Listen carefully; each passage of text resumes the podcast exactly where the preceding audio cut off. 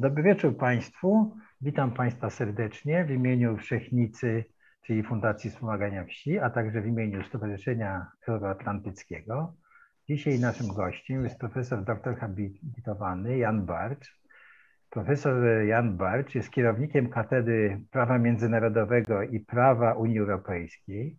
Jest członkiem redakcji czy rad redakcyjnych, między innymi pism takich jak Państwo i Prawo, Europejski Przegląd Sądowy, y, Sprawy Międzynarodowe. Jest także członkiem y, Stowarzyszenia Prawa Międzynarodowego. Jest członkiem też European Law Institute w Wiedniu. Jest członkiem też Team Europe, czyli jest to grupa ekspertów y, przedstawicielstwa Unii Europejskiej w Polsce.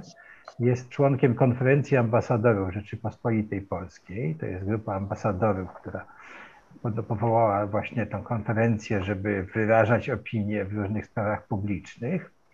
Jest członkiem Rady do Spraw Unii Europejskiej przy Marszałku Województwa Mazowieckiego, a zainteresowania naukowe pana profesora to są aspekty prawne stosunków polsko-niemieckich. No, nazwisko pana profesora się pojawia już przy negocjacji e, traktatu w 1990 roku traktatu z Niemcami nowego, jest, y, interesuje się też prawem ustrojowym Unii Europejskiej, prawem gospodarczym Unii Europejskiej i pan profesor jest także byłym dyplomatą, między innymi był ambasadorem Rzeczypospolitej Polskiej w Wiedniu w latach 1995-2000. Panie profesorze, coś pominąłem? Dobry wieczór Państwu, a za długa ta lista, którą Pan wymieniał. Dobry wieczór jeszcze raz wszystkim. E, chciałbym, żebyśmy dzisiaj porozmawiali o prawie międzynarodowym, ale szczególnie jeśli chodzi o prawo o międzynarodowe, no to o takie spojrzenie prawnika, ale e, dostępne dla zwykłego człowieka, o tym, co się dzieje między e, Trybunałem Sprawiedliwości Unii Europejskiej a, a, a Polską, czy Trybunałem Konstytucyjnym, a także żebyśmy porozmawiali o drugim Trybunale o Trybunale e, Spraw, e, praw, praw Człowieka w Strasburgu, bo tam też są wyroki dotyczące Polski, ale może byśmy zaczęli od tego, jak, co to jest prawo międzynarodowe, jak, jak powstawało prawo, prawo międzynarodowe i dlaczego ono jest ważne dla Jana Kowalskiego, przeciętnego mieszkańca w Polsce. No bo tak, tak ogólnie rzecz biorąc, to takie, taki mieszkaniec to słyszał coś o konwencji genewskiej, prawda, traktowaniu jeńców. Czasami tam się przewija jakiejś konwencji, która nie, nie pozwala wchodzić na teren ambasady jakiejś policji. Więc prosiłbym pana profesora o takie krótkie wprowadzenie, po co to jest i jak to powstało. Ja muszę powiedzieć, że dobrze, że pan zaczął od tego problemu, dlatego że jeżeli obecnie E, mówimy o kontrowersjach i problemach, jakie występują e, e, wokół Polski jako państwa członkowskiego Unii Europejskiej, nie z stosunków Polska-Unia, tylko jako państwa członkowskiego, no to Unia jest tworem prawa międzynarodowego, więc trzeba najpierw wyjaśnić o co chodzi. Nie chcę tutaj wygłaszać jakiegoś wykładu na temat historii prawa międzynarodowego, ale sobie trzeba uświadomić, że w zasadzie od samego początku, kiedy zaczęły się tworzyć społeczne organizacje zorganizowane, one musiały utrzymywać między sobą relacje i e, prawo międzynarodowe w tej swojej pierwotnej formie towarzyszyło rozwoju struktur społecznych. Bo one, czy nawet jak prowadziły konflikty zbrojne, to musiały wysyłać posłańców, musiały zawierać pokój, musiały się układać. Obecnie prawo międzynarodowe przede wszystkim reguluje relacje między państwami, e, między państwami i organizacjami międzynarodowymi zakładanymi przez państwa. I wbrew temu, co Państwo czasami mm, możecie mieć takie, takie wrażenie, bo ciągle jest mowa o jakiejś agresji, o naruszeniach prawa, ktoś ma kłopoty z wykonaniem umowy, to w swojej zasadniczej części porozumienia i regulacje prawa międzynarodowego świetnie funkcjonują. To jest niewielki niewielka część e, e, tych, tych regulacji jest naruszana. One są głośne, ale to jest, to jest znikoma część. E, państwa muszą ze sobą utrzymywać kontakty, muszą utrzymywać relacje gospodarcze, Są też nowe zjawiska w prawie międzynarodowym i tu przechodzimy do, do takiego tego głównego pytania pana, co to znaczy dla normalnego Kowalskiego. No, rzecz w tym, że prawo międzynarodowe wyszło spoza tylko tej funkcji czy roli regulowania stosunków między państwami, ale z tych porozumień między państwami, również e, z regulacji prawa międzynarodowego, które jako takie wiążą wszystkie państwa, bo mamy część regulacji o tak istotnym znaczeniu, że one siłą rzeczy, jako takie powszechne prawo międzynarodowe, wiążą państwa jak zakaz agresji, czy zakaz aneksji, czy mm, podstawowe reguły przestrzegania e, ochrony praw, praw człowieka, że te regulacje o charakterze prawno-międzynarodowym są na tyle konkretne, że można z nich wyprowadzić prawa i obowiązki jednostek. Czyli Kowalski może się przed sądem krajowym wobec urzędów krajowych powoływać na uprawnienia wynikające z prawa, z prawa międzynarodowego. Istotne jest też, bo dalej no, główny temat nasz, nasz dotyczy sądów międzynarodowych, bo, bo, Trybunał Sprawiedliwości czy Europejski Trybunał Praw Człowieka jest co do istoty sądem międzynarodowym ustanowionym na podstawie umowy międzynarodowej, że sądy międzynarodowe też są ustanawiane przez państwa członkowskie na podstawie umów międzynarodowych. I, i wyroki tych sądów wiążą państwa o tyle, o ile państwa się zobowiązały je przestrzegać. No, w przypadku Unii Europejskiej zobowiązały się do tego, o czym jeszcze będziemy mówili zaraz, w traktatach stanowiących podstawę funkcjonowania Unii, a państwo przystępujące zapewnia, że będzie w pełni przestrzegać tych traktatów, łącznie z kompetencją jurysdykcją Trybunału Sprawiedliwości w traktacie akcesyjnym. Podobnie jest z Europejskim Trybunałem Praw Człowieka, który jest E, e, organem sądowym Rady Europy powiązanym z Europejską Konwencją Praw Człowieka. Tutaj dla słuchaczy niezorientowanych trzeba e, wyraźnie podkreślić, że to są dwa różne sądy międzynarodowe. Europejski Trybunał Praw Człowieka jest związany z systemem Rady Europy, a Trybunał Sprawiedliwości Unii Europejskiej jest sądem, jest sądem Unii Europejskiej, chociaż między nimi zachodzą bardzo ciekawe powiązania, o czym zapewne dzisiaj jeszcze, jeszcze będziemy mówić. Proszę Państwa, na co trzeba zwrócić uwagę, szczególnie w kontekście dzisiejszego naszego tematu? No, historia ostatnich kilkudziesięciu lat, e, e, rozwój sądownictwa międzynarodowego, ten o którym mówimy, to jest okres po I wojnie światowej, zwłaszcza po II wojnie światowej, wykazuje, że państwa autorytarne, państwa niedemokratyczne, jak diabeł święconej wody, unikają, jeśli chodzi o zobowiązania prawno-międzynarodowe, dwóch spraw. Po pierwsze, podporządkowania się sądowi międzynarodowemu, e, bo chcą mieć pełną swobodę co do swoich wyczynów. I po, po drugie, unikają też zapewnienia skutku bezpośredniego, jak to mówią prawnicy, postanowieniom umów międzynarodowych, czyli takiej sytuacji, w których ich obywatel u nich w kraju może się na umowę międzynarodową powołać, żeby chronić swoje uprawnienia przed sądami krajowymi urzędami.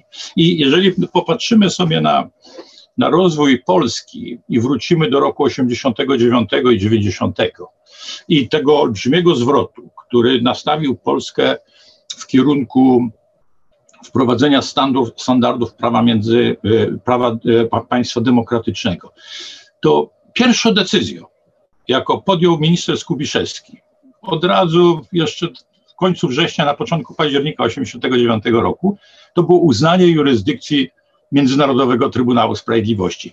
I to był ten sygnał, Polska wchodzi do grupy państw demokratycznych. I drugi sygnał w tej naszej dziedzinie, o której mówimy, było to, że minister Skubiszewski, który był świetnym znawcą prawa międzynarodowego i zajmował się właśnie stosowaniem umów międzynarodowych, również zapewnieniem, aby jednostka mogła e, na podstawie umów e, gwarantować swoje uprawnienia, bardzo szybko doprowadził do tego, aby tak zmienić polskie regulacje, aby ten Kowalski mógł odwołać się do, bezpośrednio do umów międzynarodowych. A przypomnijmy, że wcześniej PRL oczywiście odmawiała takiego skutku bezpośredniego. Konwencje MOP, bardzo istotne, dotyczące uprawnień związkowych, niedaleko szukając, już nie mówię o paktach praw człowieka. Chodziło przede wszystkim o uprawnienia związane, związane z ochroną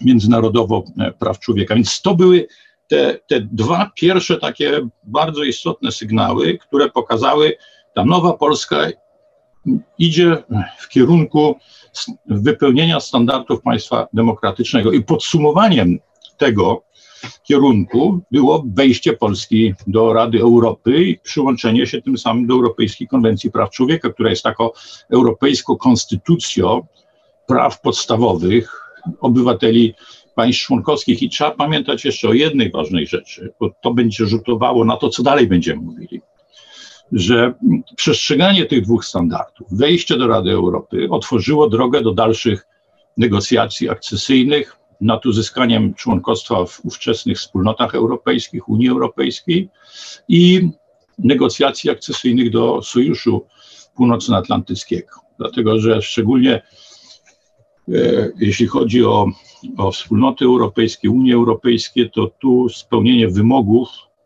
państwa demokratycznego jest takim warunkiem sine qua non uzyskania członkostwa i pozostawania jako państwo członkowskie. To jeszcze może do tego wrócimy, dlatego że no, starsza generacja pamięta początek lat 90., słynne kryteria kopenhaskie, kiedy nam powiedziano: Jesteśmy otwarci, możecie do nas przystąpić, ale musicie najpierw wykazać, że budujecie instytucje krajowe, które e, gwarantują demokratyczny charakter państwa to drugi ten kierunek, no to trzeba było budować gospodarkę na tyle sprawną, aby mogła funkcjonować e, w warunkach gospodarki rynkowej, która dominuje na, na, na, na rynku wewnętrznym obecnej Unii Europejskiej.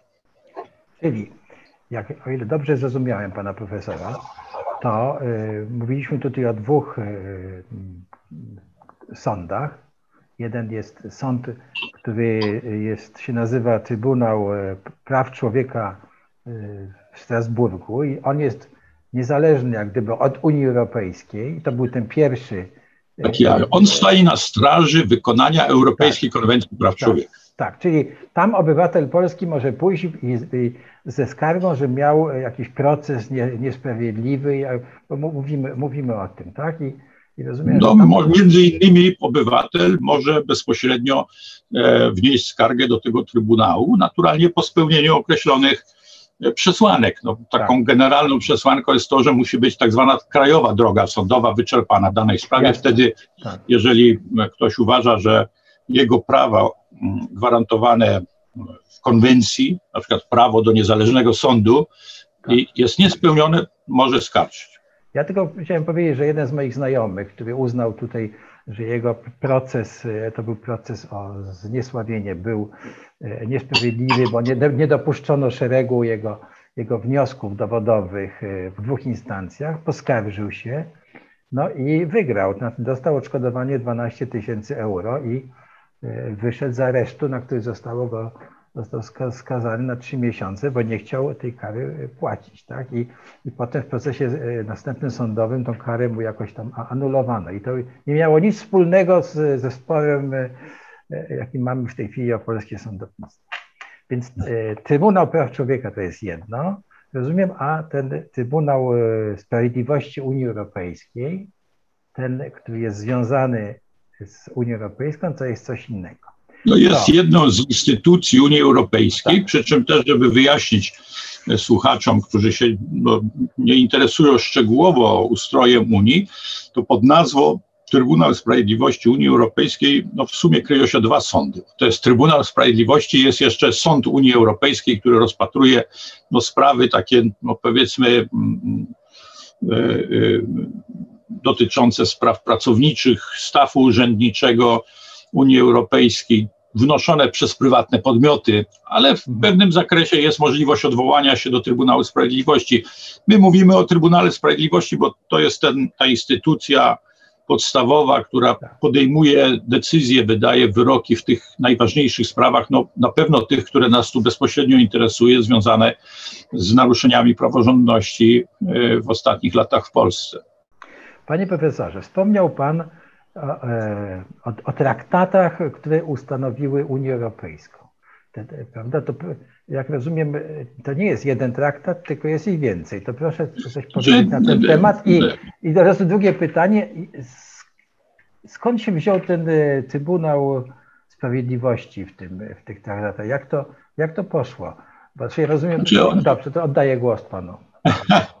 Znaczy rzeczywiście sytuacja w przypadku Unii Europejskiej, która jest obecnie no, spójną organizacją międzynarodową, jest trochę skomplikowana, dlatego że to jest co prawda jedna organizacja, spójna organizacja od czasu wejścia w życie traktatu z Lizbony w końcu 2009 roku, ale organizacja, której podstawą są dwie umowy międzynarodowe. E, traktat o Unii Europejskiej i traktat o funkcjonowaniu Unii Europejskiej. Nie chcę jeszcze bardziej komplikować sprawy, ale ta sytuacja wynika stąd, że u progu rozwoju procesu integracji, wówczas zachodnioeuropejskiej, były trzy organizacje integracyjne. Europejska Wspólnota Węgla i Stali, Europejska Wspólnota Gospodarcza i Euroatom. I po różnych kolejach losu e, obecnie mamy dwa traktaty, jedną Unię Europejską, chociaż dla wnikliwych, wnikliwy słuchacz na pewno wie, że jest jeszcze Euroatom, jedyna wspólnota, która się ostała, ale tego specjalnie nikt nie zauważa od strony takiej ustrojowej, dlatego że ona jest instytucjonalnie połączona z Unią Europejską. Ale to, co nas interesuje, to jest to, że mamy te dwa podstawowe traktaty, my je nazywamy traktatami stanowiącymi podstawę Unii Europejskiej. I te traktaty zawarte przez państwa założycielskie dołączały do nich następnie państwa, które przystępowały. Ja przypominam, że myśmy, Polska przystąpiła 1 maja 2004 roku na podstawie umowy międzynarodowej, traktatu akcesyjnego, zawartą z ówczesnymi, myśmy to nazywali starymi państwami członkowskimi. I tam Polska, między innymi, to było 10, 10 państw w tej grupie, e, e, z którą Polska przystępowała do ówczesnych wspólnot europejskich, Unii Europejskiej, te państwa, w tym Polska, zobowiązała się przestrzegać traktatów i całego dorobku prawnego wspólnot Unii, też orzecznictwa Trybunału. Na podstawie tych traktatów oczywiście żeśmy się zobowiązali przestrzegać wszystkich regulacji zawartych w traktatach, a Trybunał Sprawiedliwości jest jedną z głównych instytucji obecnie Unii Europejskiej. On spełni bardzo istotną rolę, dlatego że państwa członkowskie, tworząc tę organizację, powiedziały, ponieważ to jest organizacja, która ma duży zakres regulacyjny, zajmuje się, zajmowała się przede wszystkim integracją gospodarczą. To, są, to jest biznes po prostu duży. Następnie doszły do tego uprawnienia obywateli państw członkowskich i szereg innych ważnych spraw, które regulują relacje między państwami w zakresie, w którym Unia obowiązuje, w której powierzono jej kompetencje.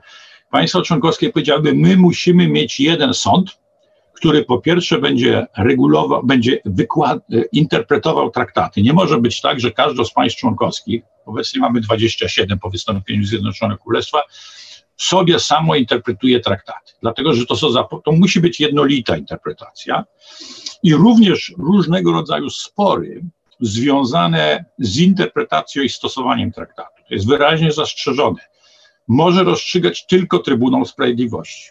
Czyli dla funkcjonowania Unii Europejskiej z tymi bardzo szerokimi kompetencjami niezmiernie istotne jest to, aby w jednym ręku była interpretacja prawa unijnego, czyli traktatów i prawa pochodnego. Prawo pochodne to są akty prawne przyjmowane przez instytucje, no to większość z Państwa rozporządzenia unijne, dyrektywy, decyzje unijne, te nazwy dobrze zna.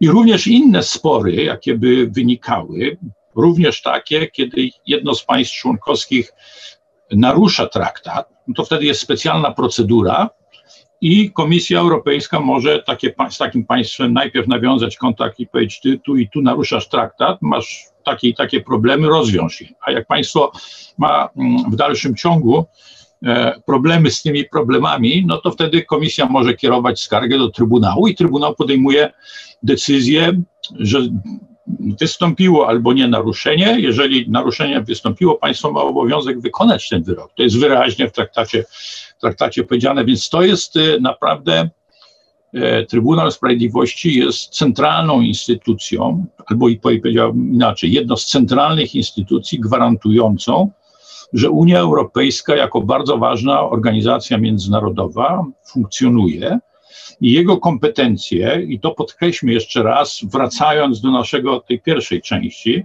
jego kompetencje i obowiązek przestrzegania wynika z tego, że państwa się na to zgodziły, że to uzgodniły. I pytanie o to, dlaczego mamy wypełniać e, między innymi wyroki Trybunału Sprawiedliwości, no dlatego, żeśmy się na to zgodzili, a zasada, jedna z takich podstawowych zasad prawa międzynarodowego, stara, sprawdzona i fundamentalna, pacta sunt servanda mówi, jak się zobowiązałeś do czego, do czegoś, masz to przestrzegać. Mhm. No,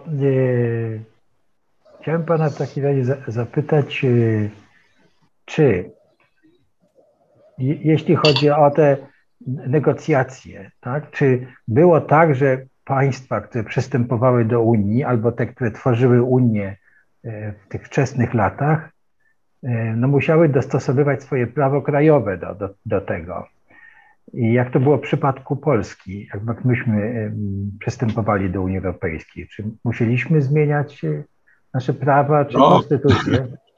To byśmy po 90 roku wszystko zmieniali e, i prawo, i ustrój, i mm, e, zbliżanie się, ja to tak powiedział, zbliżanie się do, do wspólnot europejskich, Unii Europejskiej, w tym bardzo pomogło, dlatego że ukierunkowało ukierunkowało te zasadnicze zmiany. I, i ten kierunek był, był, był jednoznaczny, bo wytyczany był dwoma podstawowymi drogowskazami: budowanie demokratycznego państwa i budowanie silnej gospodarki rynkowej, tak aby polskie podmioty gospodarcze mogły funkcjonować na e, rynku wewnętrznym wspólnot Unii który się kieruje no, gospodarką, e, e, e, gospodarką liberalną regułami, regułami konkurencji. I, i ten, te dwa kierunki były najpierw gwarantowane czy wzięte w ramy w układzie stowarzyszeniowym.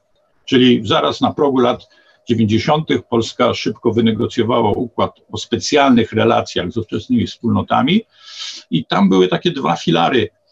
Liberalizacja handlu. Żeby liberalizować handel, trzeba było przestrzegać reguł konkurencji, e, czyli oderwać gospodarkę od polityki, tak z grubsza rzecz biorąc, e, mówiąc z grubsza, e, e umacniać pod, pod, pod podmioty gospodarcze działające, działające na, na, na, na rynku i, i, i z drugiej strony trzeba, trzeba było budować instytucje gwarantujące demokratyczny charakter państwa.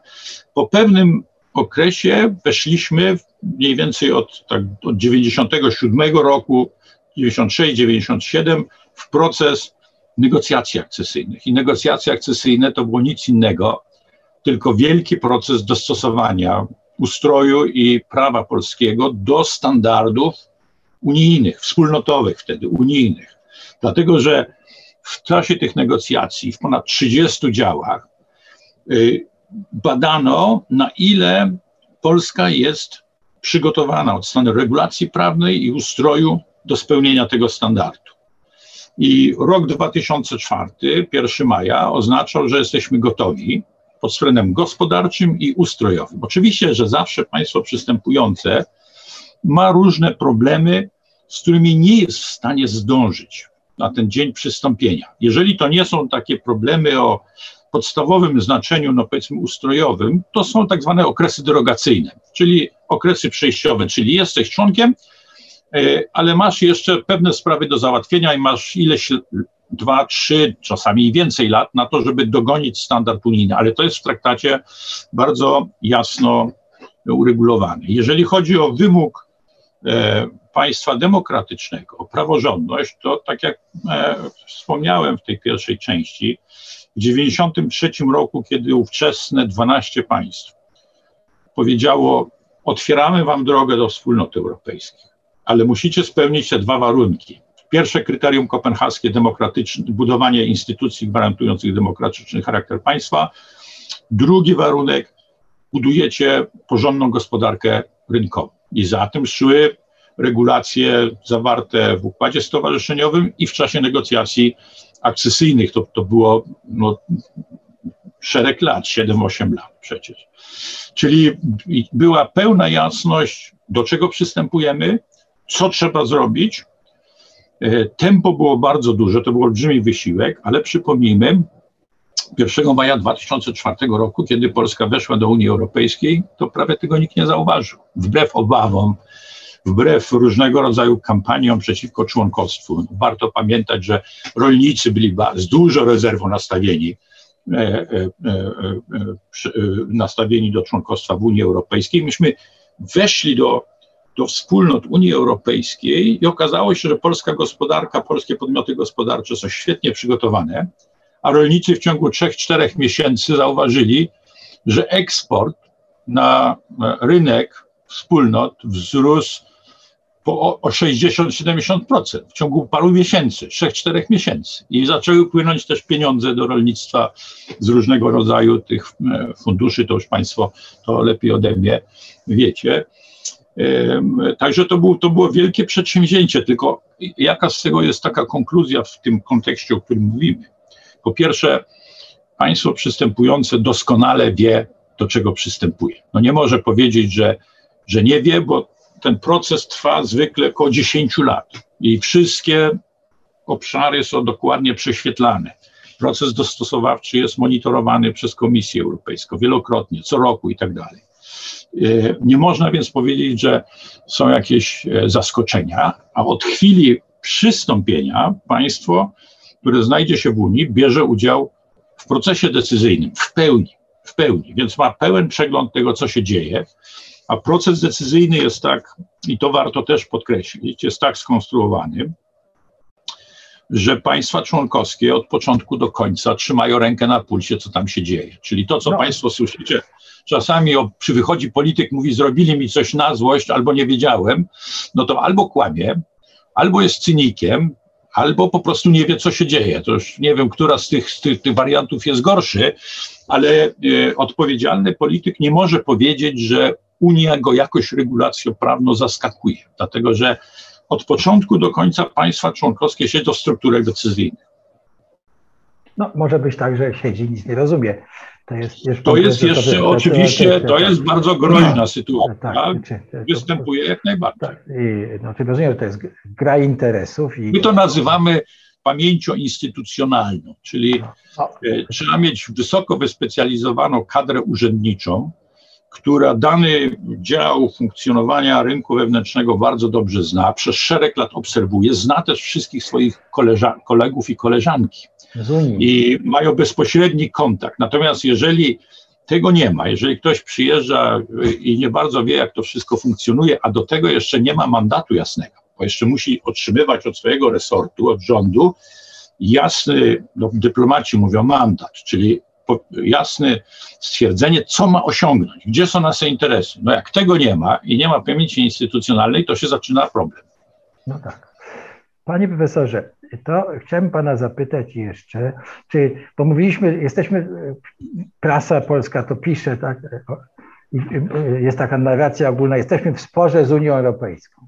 Czy, czy jest jakaś, jakiś sąd jeszcze międzynarodowy, że my w tym, jeśli chodzi o ten spór między Polską a TSUE, możemy pójść do tego sądu, żeby on to rozstrzygnął. Czy jest taka możliwość, czy, czy to jest po prostu już. Proszę Państwa, po pierwsze, my nie jesteśmy w sporze z Unią Europejską. No, my jesteśmy państwem członkowskim Unii i problem polega na tym, że naruszamy podstawowe zasady funkcjonowania Czyli naszego e, klubu, tej, tak? tej organizacji. Więc to e, e, trzeba wiedzieć w odpowiednich, odpowiednich e, miejscu i proporcjach. Natomiast czy można się gdzieś jeszcze odwołać? No nie można, dlatego że e, Unia jest organizacją międzynarodową i jak Państwo nieprzypadkowo na, na początku e, podkreślałem, w traktatach państwa członkowskie po to powołały Trybunał Sprawiedliwości, że jeżeli są jakieś problemy z interpretacją traktatów, to tylko ten Trybunał ma kompetencje, żeby je rozstrzygać.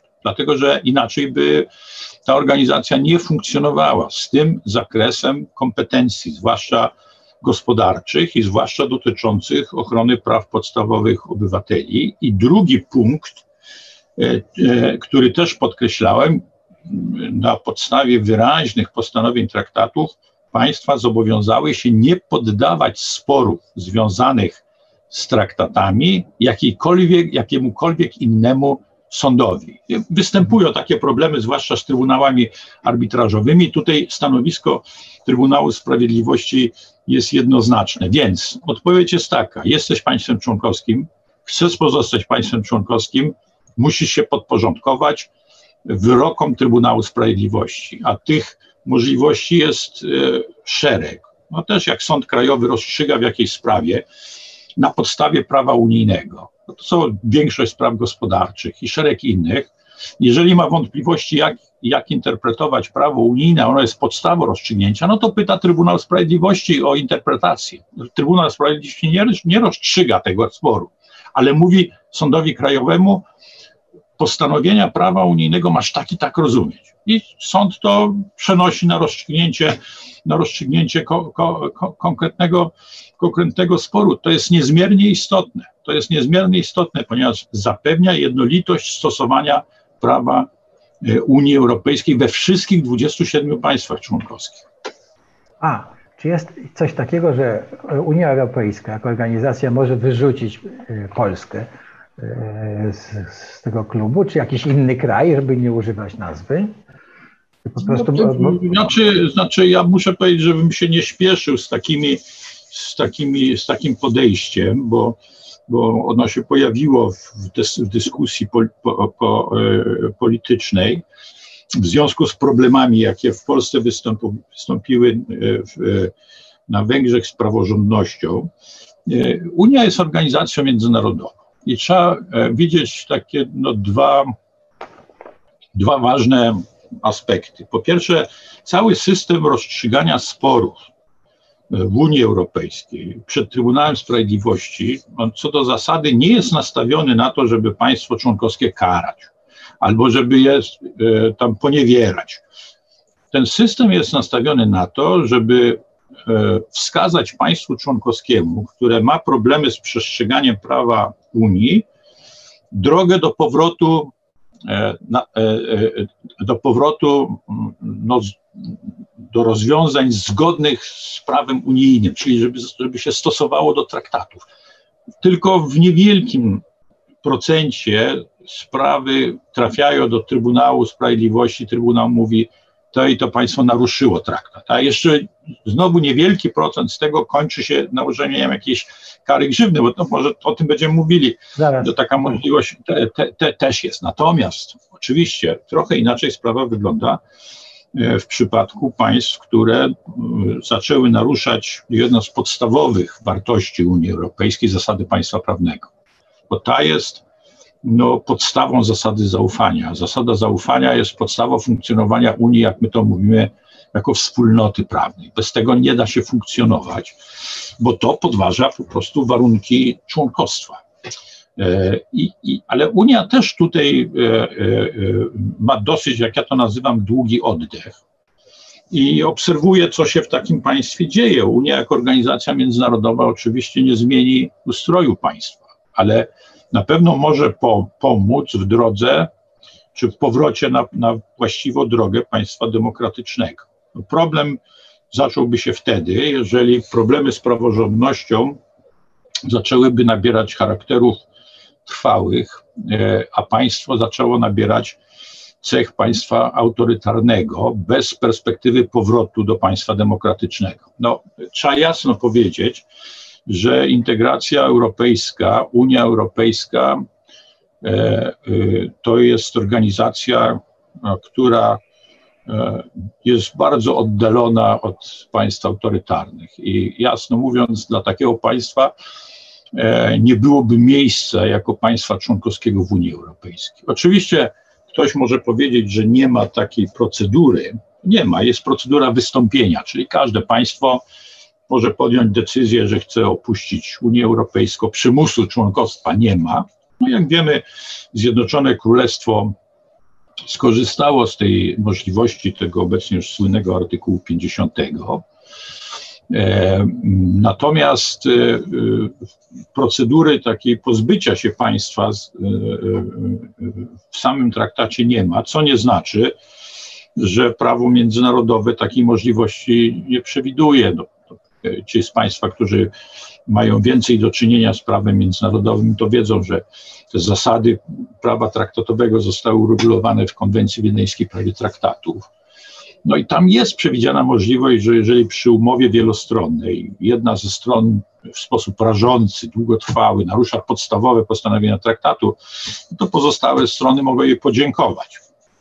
E, e, znaczy o tym trzeba pamiętać, ale, ale myślę, że e, przynajmniej mam nadzieję, że, że, że, że taka perspektywa nie, nie czeka ani Polski, ani Węgier. Natomiast, natomiast następstwem problemów z praworządnością pogłębiających się na pewno jest marginalizacja polityczna i w procesie decyzyjnym, i w, innych obszarach funkcjonowania Unii, to zresztą już obserwujemy osamotnienie, e, właściwie e, no, brak możliwości albo bardzo ograniczone możliwości e, tworzenia koalicji w procesie decyzyjnym. A pamiętajmy, że proces decyzyjny w Unii jest tak skonstruowany, że, że on nie jest nakierowany na to, żeby go blokować. To jest to, co Państwo u nas słyszycie, że tam jacyś modrale występują, mówią tutaj tu będziemy blokować i tak dalej. On jest, on jest e, nastawiony na to, żeby osiągnąć porozumienie, wypracować kompromis w danej sprawie, dlatego że to jest podstawą pójścia do przodu. I stąd też w Unii większość decyzji obecnie zapada w Radzie, czyli tam, gdzie siedzą państwa członkowskie, większością kwalifikowano. Tylko w najważniejszych sprawach takich ustrojowych jest jedno, jednomyślność i tendencja jest jednoznaczna. Chcemy mieć lepiej funkcjonującą Unię, Rada musi podejmować decyzję większością kwalifikowaną. Większość kwalifikowana oznacza konieczność wypracowania kompromisu. I starzy dyplomaci, którzy się znają na Unii, mówią, że jeżeli z posiedzeń Rady wszyscy przedstawiciele przedstawiciele wszystkich państw wychodzą równo niezadowoleni, to znaczy, że kompromis jest porządnie wypracowany. I nikt nie chce blokować, bo oczywiście można zbudować mniejszość blokującą, ponieważ koszty polityczne tego są duże i nikt nie chce też przegłosować. Nawet jak ma możliwość, ponieważ wie, że jak kogoś przegłosuje, to ten kompromis będzie słabszy. Więc się negocjuje do, dotąd, dopóki nie będzie wypracowany porządny kompromis. Jak ktoś tego nie rozumie, no to się zaczynają problemy i tragedia. I muszę powiedzieć też, jak już przy tym jesteśmy, że jednym z takich podstawowych zastrzeżeń e, z czasów, kiedy Polska kończyła negocjacje akcesyjne i wchodziła do Unii Europejskiej, to nie było to, że myśmy wtedy jeszcze byli na bardzo słabym poziomie rozwoju gospodarczego. Bo przypomnijmy, bo to też warto przypominać, że Polska startowała E, na początku lat 90. z poziomu tam 31-32% średniej produktu krajowego brutto e, ówczesnych państw członkowskich, że jeszcze budowaliśmy te instytucje budujące demokrację. Ale podstawowy problem ze strony starych, ze strony starych państw członkowskich polegał na tym, e, że, że mieli wątpliwości, czy, czy, czy te nowe państwa członkowskie, a zwłaszcza Polska, rozumieją kulturę kompromisu. No i to niestety w tych ostatnich latach e, znalazło potwierdzenie i, i oderwanie się od tego przy powrocie do efektywnego członkostwa w Unii będzie niezmiernie trudne. Zresztą pan sam pracował w służbie dyplomatycznej wtedy, e, na początku lat 90., czy w latach 90., to my wszyscy to pamiętamy, jak długo trwało uzyskanie w tej pracy zaufania naszych nowych kolegów. To były lata. W zasadzie gdzieś w końcu lat 90. zaczęliśmy być traktowani jako pełni partnerzy, który, którzy siadają do stołu i zastanawiają się, jak rozwiązać problem, którym się nie komunikuje, co rozwiązano, tylko jesteśmy współautorami tego. No, teraz powrót do takiej sytuacji będzie bardzo trudny. Bardzo tak, zgadzam się. To ja jeszcze, takim, żeby chwycić byka za rogi, to zapytam o to, y, czy wyrok CUE, y, czyli Trybunału Sprawiedliwości w sprawie sądownictwa w Polsce jest jakimś przypadkiem szczególnym czy też, e, tak jak to się twierdzi w narracji, jest szereg takich orzeczeń, prawda, które świadczą o tym, że TSUE e, zmienia Unię Europejską i w ogóle przekracza swoje kompetencje i tak dalej, i tak dalej. Jak to wygląda w oczach prawnika? Jednym słowem, czy prosiłbym o komentarz do, jeszcze do, do tego, żeby nam to wytłumaczyć. Znaczy, znaczy tutaj, tutaj poruszył Pan problem, który ma no, szereg odsłon. E, e, po pierwsze, możemy popatrzeć e, na to, kogo te wyroki Trybunału Sprawiedliwości, rozumiem, że mówimy o wyrokach dotyczących zachowania praworządności czy naruszeń praworządności w państwach no, członkowskich, tak. kogo one dotyczą. No, dotyczą nie tylko Polski, bo dotyczą również i, i naszego bratanka Węgier, rządzon, rządzonych przez, przez Wiktora Orbana pojawiają się też poważniejsze takie e, skargi, znaczy wyroki dosyć istotne, e, pod, e, skierowane do, do, do Bułgarii i, i Rumunii. Ale bez wątpienia w centrum zainteresowania i problemu jest Polska, Polska i Węgry. Jak ktoś z Państwa się tym interesuje, to niedawno, parę dni temu, myśmy była w przedstawicielstwie Komisji Europejskiej prezentacja pozwolę sobie pokazać, wyboru e, wyroków Trybunału Sprawiedliwości właśnie w sprawach naruszeń praworządności e, z lat 2018-2020. No jeszcze mm, ten 21 rok siło, siło rzeczy nie był e, tutaj ujęty i tą książkę można w przedstawicielstwie Komisji Europejskiej otrzymać za darmo, także można mieć to całą, całą dokumentację. Czyli jeśli chodzi o wykaz, no to nie tylko Polska jest tutaj e, przedmiotem takich, takich wyroków. Natomiast wracając do właśnie tych argument, argumentów, które się, które się pojawiają, że, że szereg państw narusza e, wartości zawarte w, artykule e, drugim, czy że tych wyroków jest Trybunału Sprawiedliwości bardzo dużo, więc jeszcze jeden nikomu nie powinien szkodzić. Najpierw do pierwszej sprawy. No, jedno rzecz trzeba odróżniać, którzy, której nasi rządzący obecnie, obecni nie odróżniają albo nie chcą odróżniać. To są naruszenia e, praworządności e, ad hoc, incydentalne. I również w państwach przestrzegających zasady państwa prawa takie naruszenia się zdarzają. I zdarzają się wyroki, które mówią, prokuratura tu i tu ingeruje w sposób zakazany, tam jakieś postępowanie prejudycjalne czy coś takiego. Zapada wyrok, państwo praworządne, demokratyczne to w ciągu paru miesięcy rozwiązuje. Natomiast w przypadku Polski i Węgier yy, i w odniesieniu do tych wyroków, o których mówimy, chodzi o systemowe i incydentalne naruszenia praworządności. Systemowe to znaczy trwałe i dotyczące podstaw funkcjonowania demokratycznego państwa i intencjonalne, czyli podejmowane ze świadomością. Do tego ze świadomością, żeby od tego nie odchodzić. No to jest zasadnicza różnica i niestety w przypadku e, e, wyroków Trybunału Sprawiedliwości, w odniesieniu do, do, do, do Polski, e, tych wyroków już do tej pory wskazujących na naruszenia praworządności jednoznacznie było już prawie 10 i w kolejce e, e, już się szykują następne, to zaraz jeszcze o tym też e, będziemy mówić, to trzeba odróżniać. Jeżeli ktoś, ktoś tego nie odróżnia, to znaczy, że po prostu jest cynikiem, albo nie wie o czym mówi, albo kłamie. No, to są dwie, dwa, dwa różne światy, dwa różne światy, w tym przy tych systemowych, intencjonalnych, czyli z zamiarem, świadomością podejmowania naruszeń praworządności, to są to, to, to jest naruszenie fundamentalnych zasad funkcjonowania państwa demokratycznego. My jeszcze pewnie o Konstytucji Polskiej też będziemy mówili, ale e, weźmy pod uwagę, że tu nie chodzi tylko o naruszenie artykułu drugiego Traktatu Unii Europejskiej, gdzie są wymienione ten katalog podstawowych wartości, w tym zasada państwa prawnego, tylko to są również naruszenia naszej własnej konstytucji. Przecież w artykule drugim Konstytucja mówi, że państwo jest, Polska jest demokratycznym, państwem demokratycznym, państwem prawa. Mówi się w artykule 10 o zasadzie trójpodziału władzy. To wszystkie, te wszystkie zasady zostały sponiewierane w ostatnich latach, więc, więc e, to, trzeba, to trzeba brać pod uwagę. I druga sprawa, no ilościowa.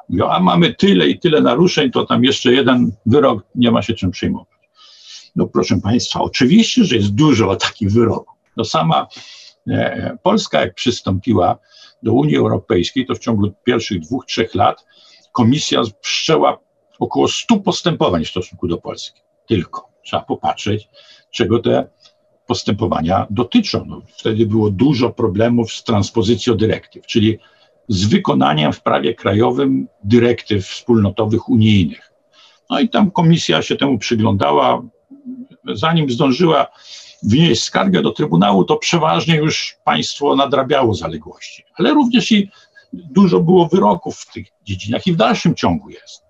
E, również e, w tym postępowaniu, jak my to nazywamy, o naruszenie traktatów, czyli 258, gdzie komisja mówi tu i tu się nie dostosowałeś do prawa pochodnego czy do prawa unijnego, jest tych wyroków sporo, ale, ale albo na, w trakcie postępowania, albo zaraz po wydaniu wyroku jest to sprawa załatwiana przez państwo tak, aby naruszenie zostało, zostało zlikwidowane. I czy, czyli, czyli e, te odwołanie się do, do, do liczby wyroków nie jest żadnym argumentem, bo tu mamy do czynienia z kalibrowymi sprawami o fundamentalnym znaczeniu z punktu widzenia warunków członkostwa e, państwa w, w Unii, państwa jako, jako państwa demokratycznego, i fundamentalnego znaczenia z punktu widzenia zasad rządzących funkcjonowaniem, funkcjonowaniem Unii Europejskiej. Już abstrahuję od tego, że e, mydlenie oczu polegające na tym mówieniu, że a inni też nie wykonują wyroków Trybunału Sprawiedliwości, no jest po prostu e, wprowadzaniem w błąd, bo oczywiście, e, jak zaraz pewnie o tym powiemy, jeżeli państwo, jeżeli Trybunał stwierdzi naruszenie, wyda wyrok, więc te i to państwo naruszyło traktat, a państwo dalej coś kombinuje, to wtedy komisja to sprawdza, weryfikuje. I wtedy wszczyna ponownie postępowanie i może ponownie wnieść skargę i w tym ponownym postępowaniu może wnioskować o karę, karę grzywny. No to po drodze wszystkie państwa członkowskie dostosowują się do wymogów związanych z prawem unijnym, a bardzo rzadko dochodzi do wyroków nakładających grzywnę. E, zwykle też już państwo sprawę załatwiło stosownie do prawa unijnego, ale Trybunał mówi, no ale naruszenie bardzo poważne było. No więc e, tych wyroków naruszających, w których Trybunał e, nakłada karę grzywny, to nie, nie, nie, jest, nie jest tak dużo. Ich było, myślę, że nie więcej niż kilkadziesiąt. W ostatnich, no bo to, to jest praktyka ostatnich no, mniej więcej 20 lat. E, e, Trybunał dosyć późno sięgnął do, tych, do, tej, do tej możliwości, więc ani jeden ten argument, ani drugi nie jest, e, nie, nie odpowiada prawdzie po prostu. No to, to jest normalne kłamstwo. I, I ja myślę, że w Pana pytaniu też pobrzmiewało co innego, że były podane przykłady, że sądy konstytucyjne innych państw członkowskich robiły tak. coś takiego jak tak zwany Trybunał Konstytucyjny u nas no to jest też zupełnie nie, nie, nie, nie, nie trafione. Ja Państwa odsyłam też do tej jeszcze no raz do tej tutaj, książki. Tutaj powołanie się oczywiście na ten przykład tak. E, Federalnego Sądu Niemieckiego, no już nie chcę, nie, czy Rady Stanu tak.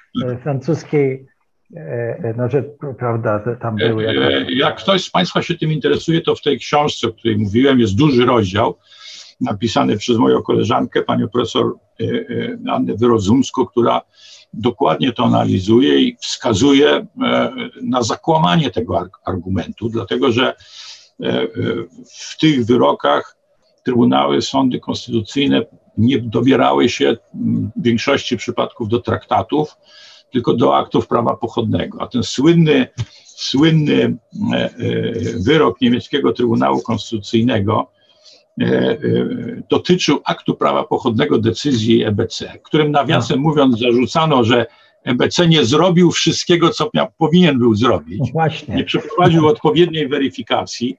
Było pytanie prejudycjalne niemieckiego e, Federalnego Trybunału Konstytucyjnego przedtem do Trybunału Sprawiedliwości. To jest, można powiedzieć, obowiązek. Sąd, który prawomocnie chce się zająć takimi sprawami, musi spytać najpierw Trybunał Sprawiedliwości. Trybunał E, pani e, Julii Przyłębskiej unika tego jak diabeł święconej wody, bo wiadomo, jak mniej więcej dostał odpowiedź, są zgodne z prawem unijnym.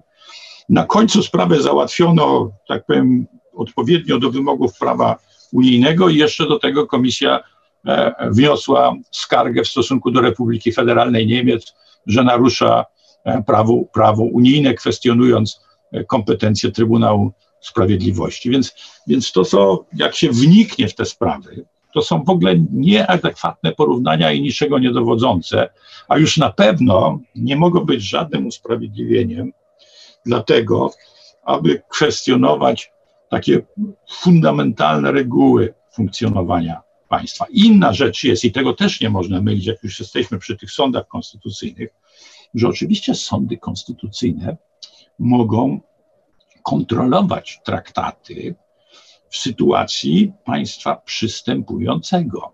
I takie, takie u nas też przecież to było.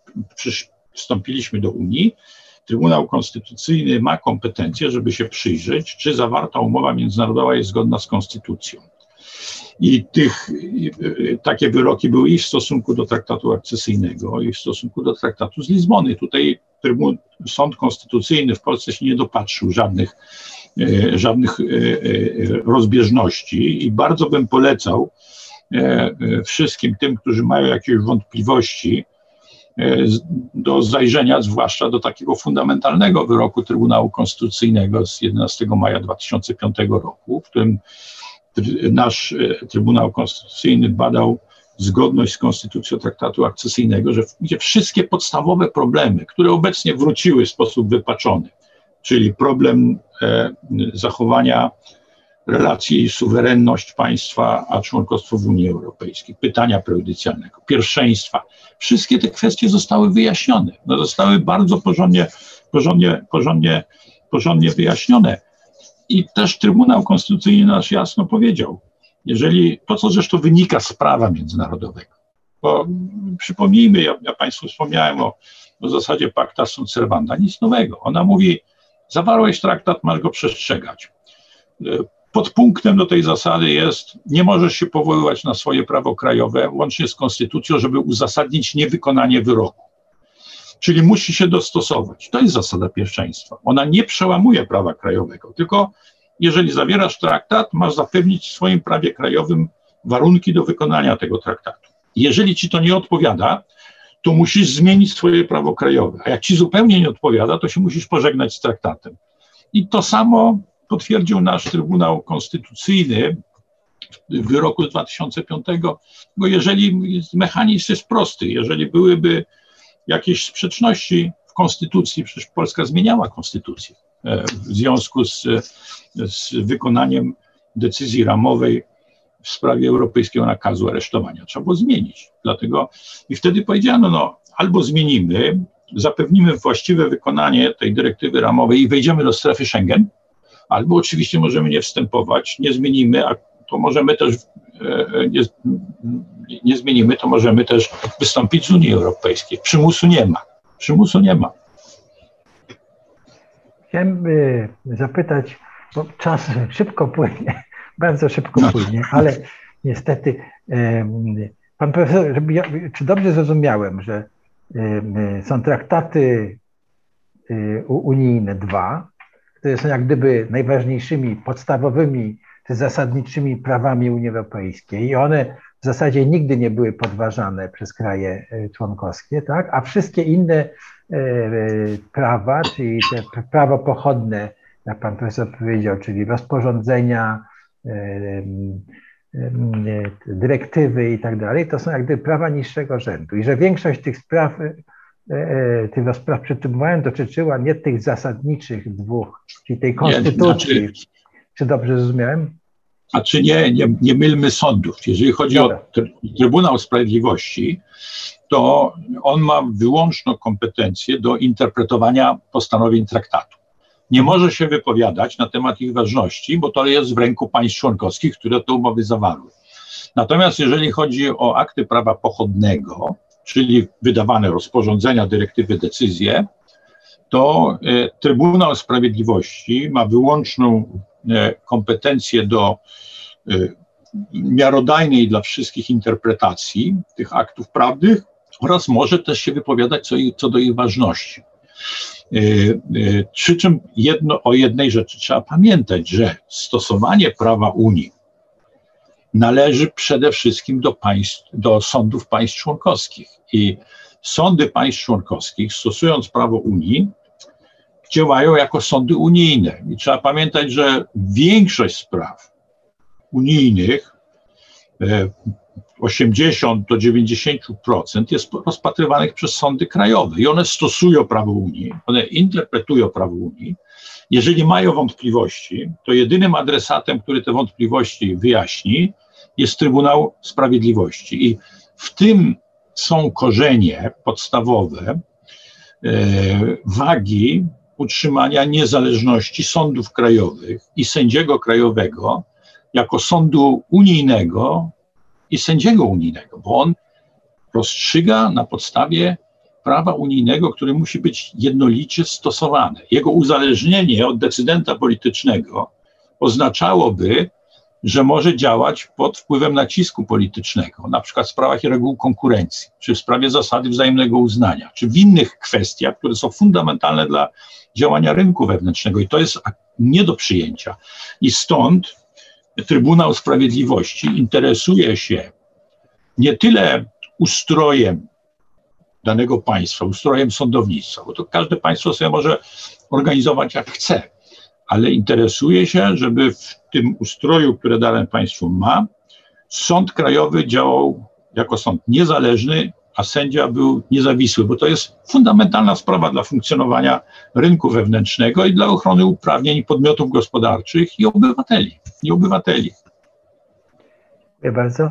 A czy można, może tak być, że e, mamy szereg wyroków e, Trybunału, które każą nam płacić kary. No i narracja w Polsce jest taka, że nie będziemy tego płacić. Tak, nie będziemy płacić tych kar. No to e, e, nie będziemy płacić, czy jest jakaś droga prawna, żeby te kary jednak e, komisja czy odpowiedni organ unijny ściągnął z Polski? No więc myśmy mówili o, o już o statusie Trybunału Sprawiedliwości w ramach Unii Europejskiej. I i o tym, że mm, jego uprawnienia, jego jurysdykcja wywodzi się z traktatu, które zawierają państwa członkowskie, czyli mówią, będziemy to przestrzegać, pacta sunt, sunt servanda. I traktat wyraźnie zobowiązuje państwa członkowskie z artykułu 260 ustęp 1 Traktatu o funkcjonowaniu Unii Europejskiej, państwa w tym e, postanowieniach tego artykułu zobowiązują, zobowiązują się do wykonania wyroków Trybunału Sprawiedliwości. Co się dzieje, jak państwo e, nie wykona wyroku, który mówi mu naruszyłeś tu i tu traktat, albo który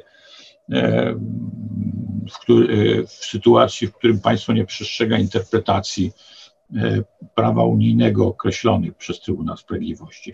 Komisja Europejska obserwuje cały czas bardzo uważnie, monitoruje e, praktykę danego państwa. No mamy i przedstawicielstwo komisji, a przede wszystkim obserwują to same podmioty gospodarcze, różne organizacje.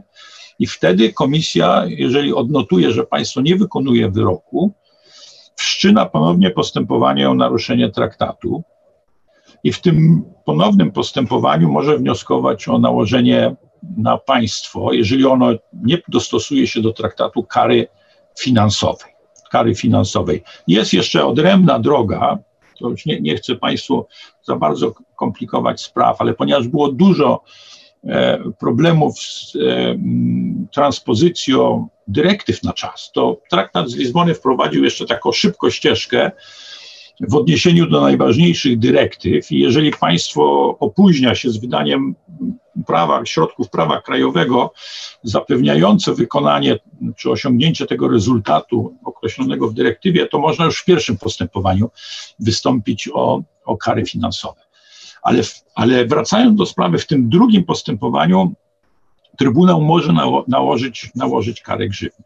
My mamy obecnie w odniesieniu do Polski e, jeszcze inną sytuację, dlatego że jeżeli toczy się postępowanie o naruszenie traktatu i jeżeli istnieje groźba, że w czasie tego postępowania, to są dosyć długotrwałe postępowania, jak wiemy, to nie, nie, one nie trwają 2-3 miesiące, tylko trwają kilkanaście miesięcy czy dłużej.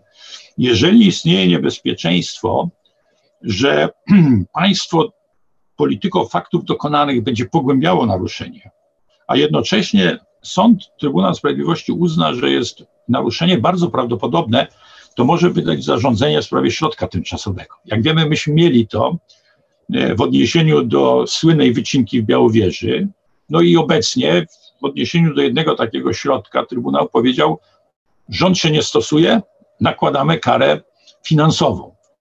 I, I to, co my w tej chwili, e, z czym Polska jest konfrontowana, za sprawą właśnie niewykonania tymczasowego tego zarządzenia w sprawie środka tymczasowego, to jest kara za jego nieprzestrzeganie.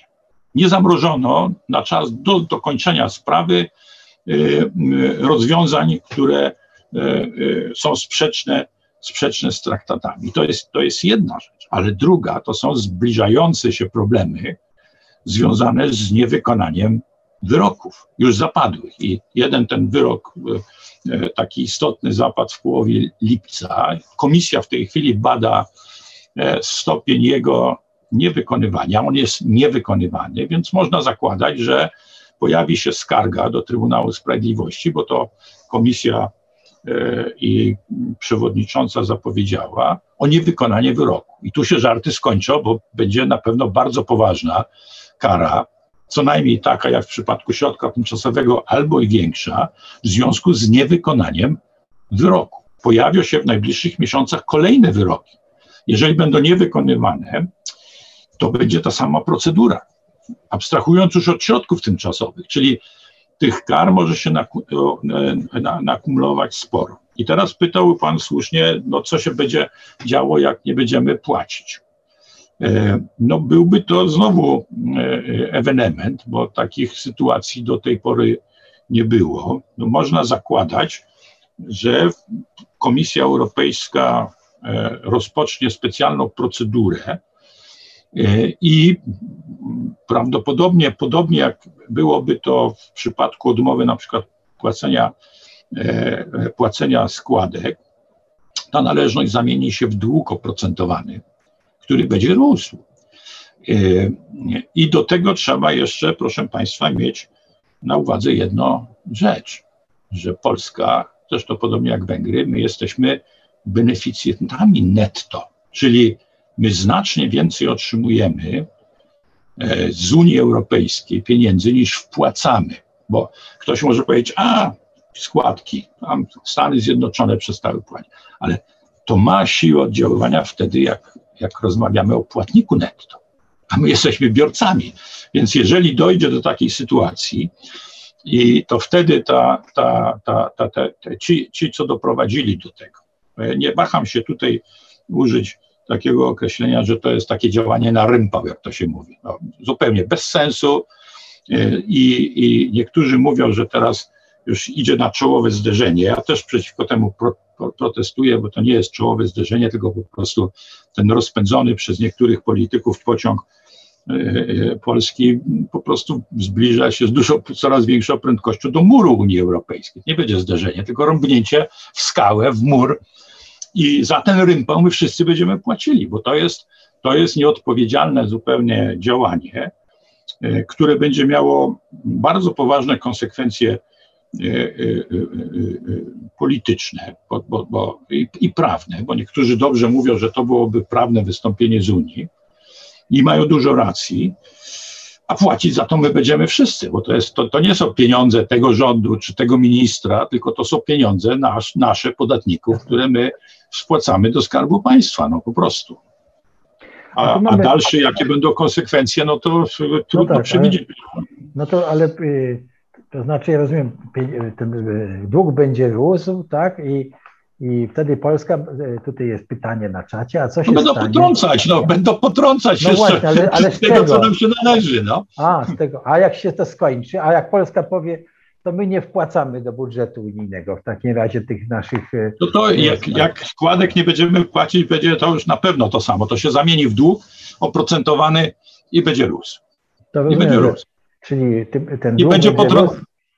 Będzie. Mogą być potrącenia oczywiście z należnych Polsce środków unijnych. No. A jak te to się wszyscy, no tak. wszyscy muszą się zastanowić dobrze, tak. a zwłaszcza z dziedziny, którą e, panowie reprezentujecie.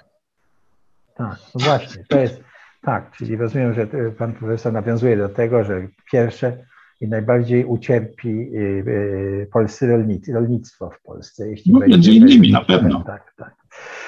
Y, no to panie profesorze, co dalej będzie w takim razie z tą sprawą, jeśli chodzi o, o, o Polskę i jak pan widzi to rozwiązanie? No bo widać z jednej strony ten Trybunał Strasburgu no, wykonuje jak gdyby swoją pracę, a z drugiej strony trochę tak jakby kraj szedł w zaparte.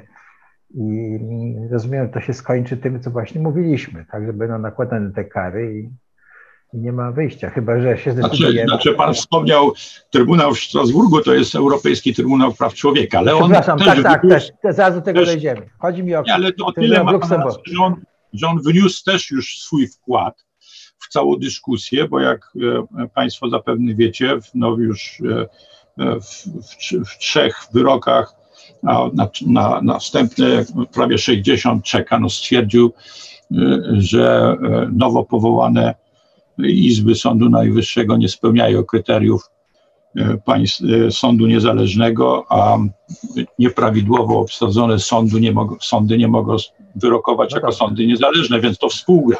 No współgra. właśnie, ale co, ale co się stanie, jak nie będziemy wypełniać wyroków także tego Trybunału właśnie Praw Człowieka?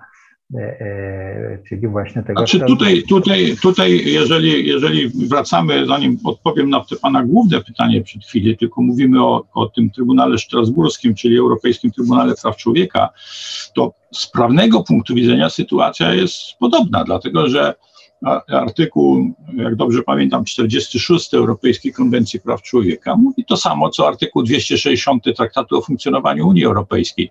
Państwa członkowskie mają obowiązek wykonać wyrok Europejskiego Trybunału, Trybunału Praw Człowieka. Różnica jest tylko ta, że w ramach systemu konwencji, Europejskiej Konwencji Praw Człowieka, nie ma tak ostrego systemu sankcyjnego jak w Unii Europejskiej, tylko jest miękki polityczny, dlatego że wykonywanie wyroków Europejskiego Trybunału Praw Człowieka nadzoruje Komitet Ministrów i no, może politycznie wywierać nacisk na państwa, mm, e, e, publikować raporty wskazujące na to, że państwo się nie, nie stosuje do, do tych wyroków. Ale jak zbierzemy to razem wszystko, czyli znaczy jeszcze jedną rzecz tutaj dodam, że oczywiście są państwa, które lekceważą orzeczenia Europejskiego Trybunału Praw Człowieka, też w sposób trochę podobny do tego, jaki zapowiadał, zapowiada obecny minister sprawiedliwości, czyli nie będziemy respektować. Są nawet e, takie, jest nawet takie państwo, które zawarło taką klauzulę w swojej konstytucji e, i wyraźnie mówi, że tylko te wyroki, które zostaną dopuszczone, TPC będą w tym państwie stosowały. To jest Rosja Putina. No, myślę, że to nie jest droga, e, którą powinna iść Polska. No jeżeli by to drogą poszła, no to wtedy już przestaniemy mówić o naruszeniach praworządności czy, czy demontażu demokracji, tylko zaczniemy mówić o państwie autorytarnym. I teraz wracając do pana tego pytania zbiorczego, jakie jest rozwiązanie? Nie wiem, jakie jest rozwiązanie dlatego że to będzie zależało od dalszego rozwoju. Jeżeli rozwiązaniem tego dalszego rozwoju byłaby putynizacja Polski, zamienienie się w państwo autorytarne, to jak wspomniałem, dla takiego państwa miejsca w Unii Europejskiej nie ma. Ale na szczęście, jak Państwu wspomniałem, Unia ma długi oddech i będzie na pewno wspierać siły prodemokratyczne i na pewno, e, jak dojdzie do zmiany, pomoże stanąć na nogi znowu państwu demokratycznemu i zająć takie miejsce w procesie decyzyjnym, jakie Polska powinna mieć. A muszę powiedzieć, że no, my mniej więcej należymy do tego samego pokolenia.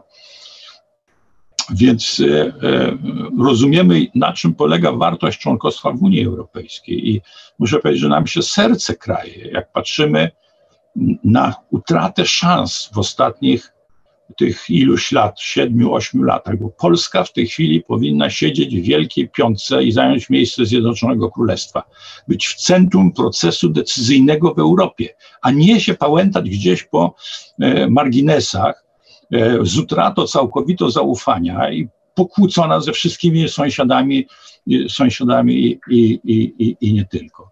Czyli, proszę Państwa, wracając do sprawy tej zasadniczej, co, co, jaki będzie dalszy scenariusz? Nie wiem, ale to, co się w tej chwili odgrywa, to jest, to jest naprawdę igranie z ogniem. Y, y, I, I te igranie odbywa się kosztem interesów politycznych, kosztem interesów gospodarczych państwa i kosztem kieszeni wszystkich obywateli i podmiotów gospodarczych. To sobie z tego trzeba, to, to sobie trzeba uświadomić. Tutaj wspomniał o, o, o tych utraty pozycji przez Polskę. E, no to mm, mm, jeszcze obaj pracowaliśmy w dyplomacji, doskonale wiemy, prawda, że nie ma tak, że jak się traci pozycję w Unii Europejskiej, że to nie, nie oddziaływuje na pozycję Polski i jej znaczenie no, w takim traktacie jak e, traktat atlantycki, czyli NATO, prawda, i w ogóle na, na postrzeganie Polski no, przez inne kraje. No, to, to jest dla mnie o, oczywiste. Prawda? Także tak to, tak to jest, że to jest. Tutaj na czacie mamy pozdrowienia dla pana profesora od pana Krzysztofa Kędzierskiego, pozdrowienia dla pana profesora od dawnego magistranta, tak prze, przekazuję. Ja dziękuję bardzo, dziękuję ja bardzo chciałem... sympatycznie, że byli magistranci dalej śledzą, co się w Unii dzieje i co ich profesor robi. Ja też Pozdrawiam chciałem, również. Ja chciałem powiedzieć, że byłem e, e, studentem e, pana profesora, bo już po, po wszystkich moich przygodach dyplomatycznych wtedy postanowiłem postudiować dyplomację, no i w Kolegium Civitas. Było takie no. studium podyplomowe dyplomacji, no i ja tam sobie już jako bardzo dojrzały dyplomata poszedłem, było to pasjonujące. Także bardzo dziękuję, że mogłem tam pana profesora spotkać. No ale to była e, ta dyplomacja stara, porządna, no, e, tak. fascynująca, fascynująca. Fascynująca, no ale myśmy wtedy byli też no, takim, w takim rozmachu, prawda, że wszyscy mieliśmy za, za plecami ten rozwijający się kraj z ekipą e, no, rządzo, rząd, rządzącą, która wiedziała, czego chce, szanowaną na świecie i to były no, zupełnie inne czasy i, i, i, w ogóle nas nie interesowały jakieś nie ma panarze, tylko interesowało nas właśnie ten, ten, ten rozwój i pozycja naszego kraju. E, Wyjdźmy jeszcze na chwileczkę do polskiej konstytucji, zanim skończymy, bo już długo rozmawiamy.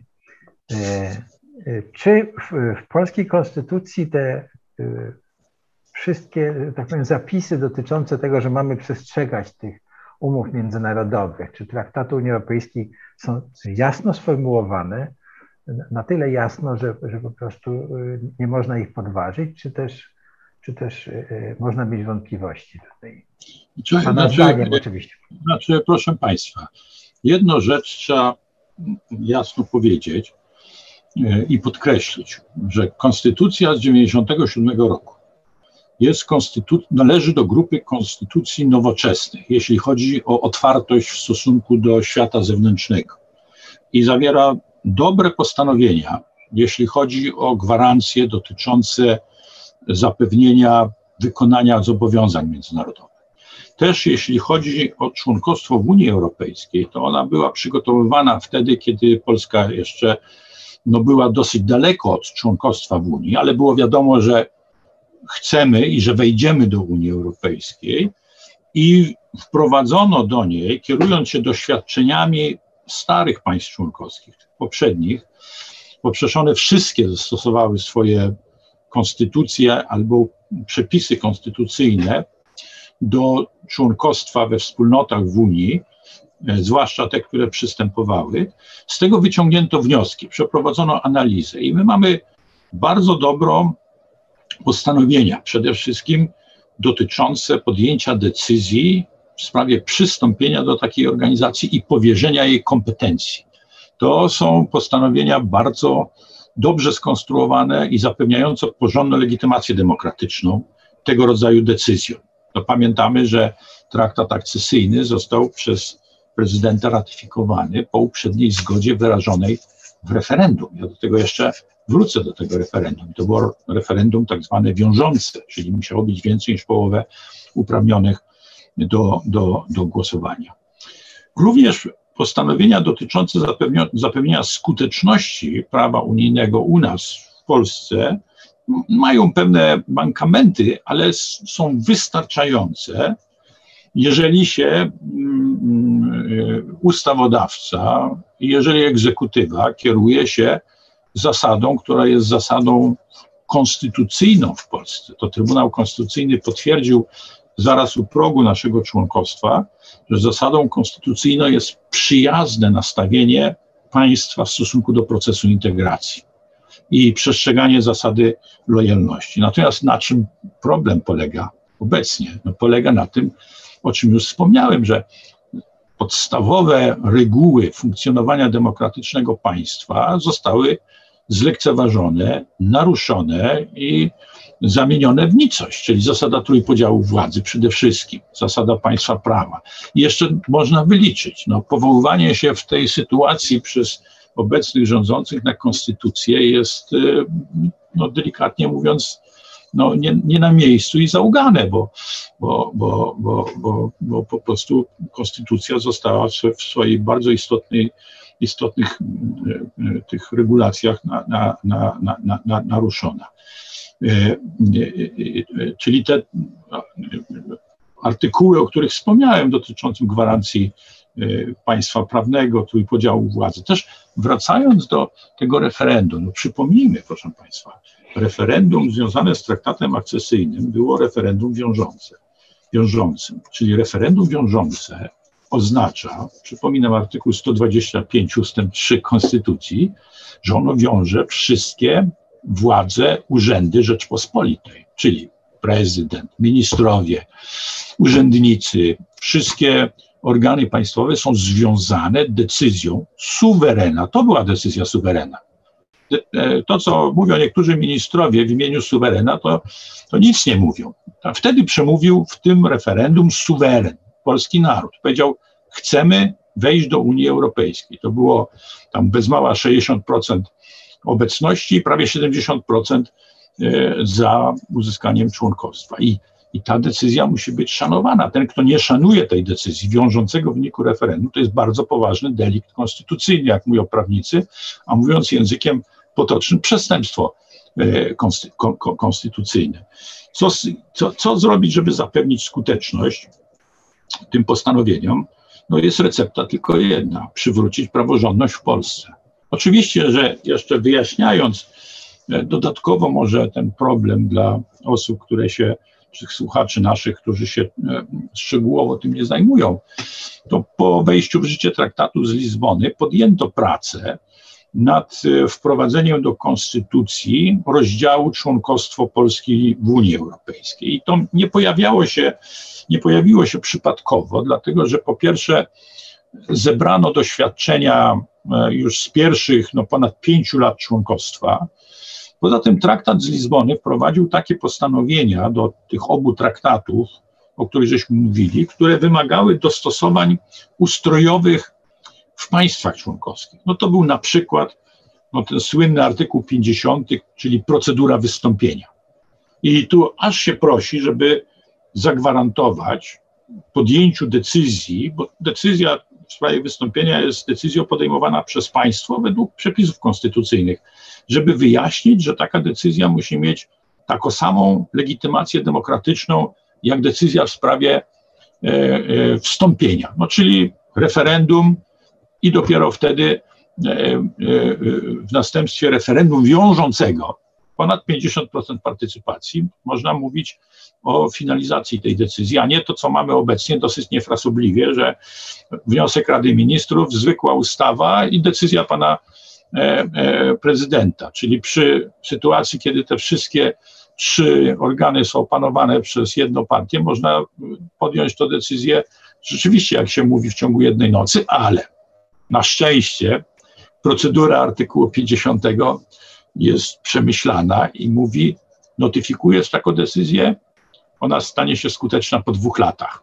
No to było, byłby dwa lata do namysłu i myślę, że przy obecnym nastroju i nastawieniu obywateli polskich do członkostwa w Unii Europejskiej, taka partia czy siła polityczna, która by coś takiego zrobiła, to by zniknęła e, e, jako byt polityczny w Polsce. E, można się tym, można się tym, można się tym pocieszać. Więc wtedy pracowano nad takim, nad takim projektem. On został moim zdaniem na tym szczeblu roboczym całkiem dobrze przygotowany. Posłowie się nim później za, za, za, zajmowali, e, trochę tam napsuli w środku, ale prace są, to wszystko jest bardzo dobrze sprecyzowane, leży na stole. Jak sytuacja do tego dojrzeje, e, na pewno obecna nie sprzyja jakimkolwiek manipulacjom przy, przy, przy konstytucji.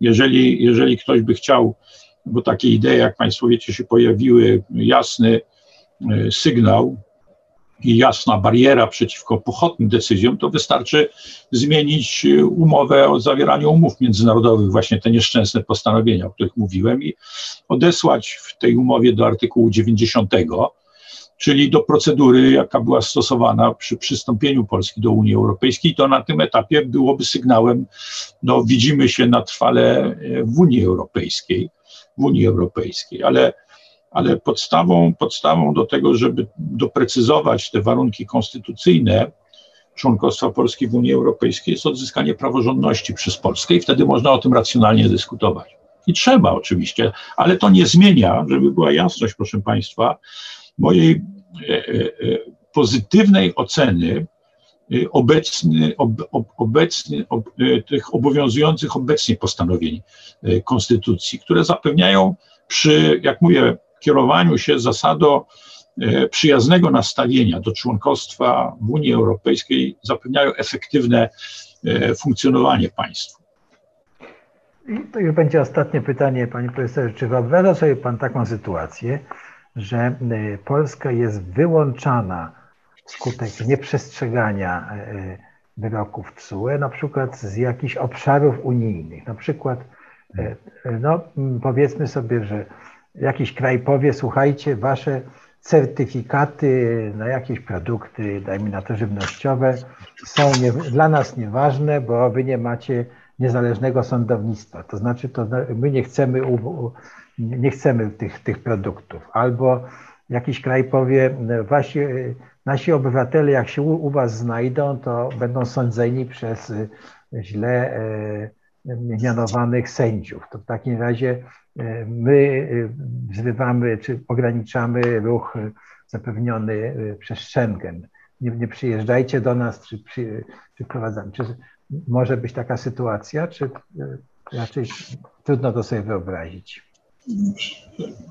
Znaczy, trzeba sobie, proszę Państwa, zdawać sprawę z jednej, znaczy z, z uwarunkowań, bo my się koncentrujemy na tym, że wyroki Trybunału Sprawiedliwości, działania instytucji unijnej związane z tym, że Polska nie, nie, nie dotrzymuje standardów państwa praworządnego, no skierowane są w stosunku do Polski i próbują e, no, nakierować te działania na powrót do stanu odpowiadającego prawu unijnemu, warunkom członkostwa, czyli, czyli restytucji państwa praworządnego, ale one spełniają też inne zadanie, mianowicie po, po paru latach gorzkich doświadczeń Unia zaczyna budować, jak ja to nazywam, system ochronny, bo przecież Unia musi się bronić. To jest, to jest olbrzymi mechanizm gospodarczy, wielki biznes. To, są, to jest współpraca sądów w sprawach karnych, cywilnych, to są wyroki gospodarcze, to jest uznawanie dokumentów, to jest gwarantowanie praw podstawowych obywateli, prawo przemieszczania się i szereg innych no, uprawnień, z których my sobie nawet nie zdajemy sprawy z tego, jak ktoś sobie nie zdaje sprawy, niech popatrzy na Brexit, jakie są szerokie konsekwencje w różnych dziedzinach. I Unia musi bronić e, tego zasobu, przed poczynaniami państwa niepraworządnego. I żeby Państwu dać przykład taki, bo, bo to jest istotne, no to myśmy mamy już e, e, bolesne przykłady z e, wykonaniem europejskiego nakazu aresztowania. Pamiętamy, to był wyrok taki pilotażowy z lipca 2018 roku. Na pytanie prejudycjalne Sądu Irlandzkiego Trybunał Sprawiedliwości skonstruował bardzo, muszę powiedzieć, przemyślaną konstrukcję. Powiedział, sąd państwa członkowskiego, jeżeli dostanie wniosek o, o wydanie z państwa, które budzi wątpliwości co do tego, czy w nim sądy są niezależne, to działa najpierw w ten sposób, że bada, czy rzeczywiście w tym państwie jest problem z praworządnością, e, problem, który podważałby niezależność sądu. I tutaj sięga do różnych dokumentów, oczywiście do wyroków Trybunału Sprawiedliwości, ale też na przykład do wyroku Europejskiego Trybunału Praw Człowieka. Stąd ja mówiłem tam na pewnym etapie, że między tymi orzecznictwem tych sądów za, zachodzi bardzo ciekawa e, in, i, współzależność, i, interakcja. I jeżeli stwierdzi, że w tym państwie, że to jest państwo niepraworządne, no z Polsko-Węgrami nie będzie problemu, żeby to stwierdzić, bo po prostu to orzecznictwo Trybunału Sprawiedliwości po prostu potwierdziło i Europejskiego Trybunału Praw Człowieka. Ale to jeszcze nie znaczy, że, że odmówi wydania. Następnie przechodzi do drugiego etapu i sprawdza, czy w danym konkretnym sądzie ten konkretny sędzia jest pod wpływem politycznym, czy działa niezależnie. Tu pozostaje w dialogu nawet z samym sędzią. I jeżeli stwierdza, że on daje gwarancję niezależności, to może wydać. Ale Mamy coraz więcej przypadków obecnie, w którym sądy innych państw członkowskich odmawiają wydania na wniosek sądów polskich. Czyli zważcie Państwo, dlaczego podaję ten przykład, że on pokazuje, jak ten system ochronny będzie działał. Czyli w konkretnych sprawach instytucje innych państw członkowskich będą się przyglądały. Jesteś z państwem, w którym niesprzegana jest praworządność, to ja jeszcze sprawdzę, czy w danej konkretnej sprawie może to wpłynąć na decyzję ważną dla funkcjonowania rynku wewnętrznego, czyli nacisk polityczny, nacisk egzekutywy. Jeżeli tak, to zamrożę współpracę. To może się przełożyć ten system na y, współpracę sądu w sprawach cywilnych. To, to jest, proszę Państwa, uznawanie wyroków gospodarczych, uznawanie dokumentów gospodarczych. Również może się przełożyć na uznawanie dokumentów w innych sprawach dotyczących ruchu y, osobowego. Y, no i proszę Państwa, w skrajnym przypadku, no, y, na pewno część ze słuchaczy prowadzi działalność gospodarczą transgraniczną, reguły konkurencji. No, jaka jest wiarygodność Urzędu Krajowego czy Sądu Krajowego, który w tej sprawie będzie, będzie wyrokował, co do którego nie ma jasności, czy nie działa pod wpływem e, impulsów politycznych od strony rządu, władzy wykonawczej. No jeżeli tak jest, to cały, cała konstrukcja reguł konkurencji, które gwarantują e, funkcjonowanie systemu gospodarczego, rynku wewnętrznego jest pod znakiem zapytania. To tak, takie tak, takie, takie po prostu to, to wtedy będzie trzeba to tak przekierować, żeby nie respektować tego typu rozstrzygnięć, prawda? Bo to nie będzie miejsca dla tego. To podważa cały system funkcjonowania podmiotów gospodarczych na rynku wewnętrznym. A pamiętajcie Państwo o jednej rzeczy. Dzisiaj była rano bardzo interesująca konferencja w Fundacji Schumana, w której wybitni ekonomiści e, analizowali korzyści Polski z członkostwa. No, pośrednio nawiązując do, do, tego, do tego niepoważnego e, raportu, nie będę tu go wymieniał z nazwy, bo to nie, nie ma co rozpowszechniać po prostu kłamstw. E, ale na co skazali? Że, że, że płatności bezpośrednie to nie jest wcale główna korzyść, jaką Polska otrzymuje ze względu na, na członkostwo. Główna korzyść jest gdzie indziej, w ogóle niezauważana. Główna korzyść to jest udział w wielkim rynku gospodarczym i działalność gospodarcza i biznesowa. To przynosi przede wszystkim korzyść. To sprawiło, że myśmy z deficytu handlowego na początku doszli do dużej superaty obecnie, a to się przekłada na wzrost PKB, na wzrost, na postęp cywilizacyjny, gospodarczy i tak dalej, i tak dalej. Bardzo Państwa zachęcam. Obiecali organizatorzy, że albo już, albo w najbliższych dniach ten raport będzie zamieszczony na stronie Fundacji Schumana. I, I, warto się z tym zapoznać, żeby nie ulegać bajdurzeniu, kłamstwom i wprowadzaniom w błąd taki, taki, takim, takim, takim, takiej narracji e, anty, antyunijnej, po prostu kłamliwej z gruntu. No bardzo, bardzo warto do tego raportu wyśmienitego zajrzeć. Pan profesor nawiązuje tutaj do takiego raportu, który mówił, że Polska tylko straciła na obecności w Unii Europejskiej, tak? Takiego no bzdura, bzdura tak. totalnie, bzdura zupełna. E, e, ja dzisiaj słyszałem wypowiedź jednego z autorów tego raportu, który to podtrzymuje, także, także będziemy mieli do czynienia z tym. Panie profesorze. No proszę Państwa, no podtrzymuję, wystarczy popatrzeć. Gdybyśmy nie byli, jak tam słusznie zauważano, myśmy startowali na początku lat 90. z pozycji gospodarczej gorszej niż Ukraina. Porównajmy sobie.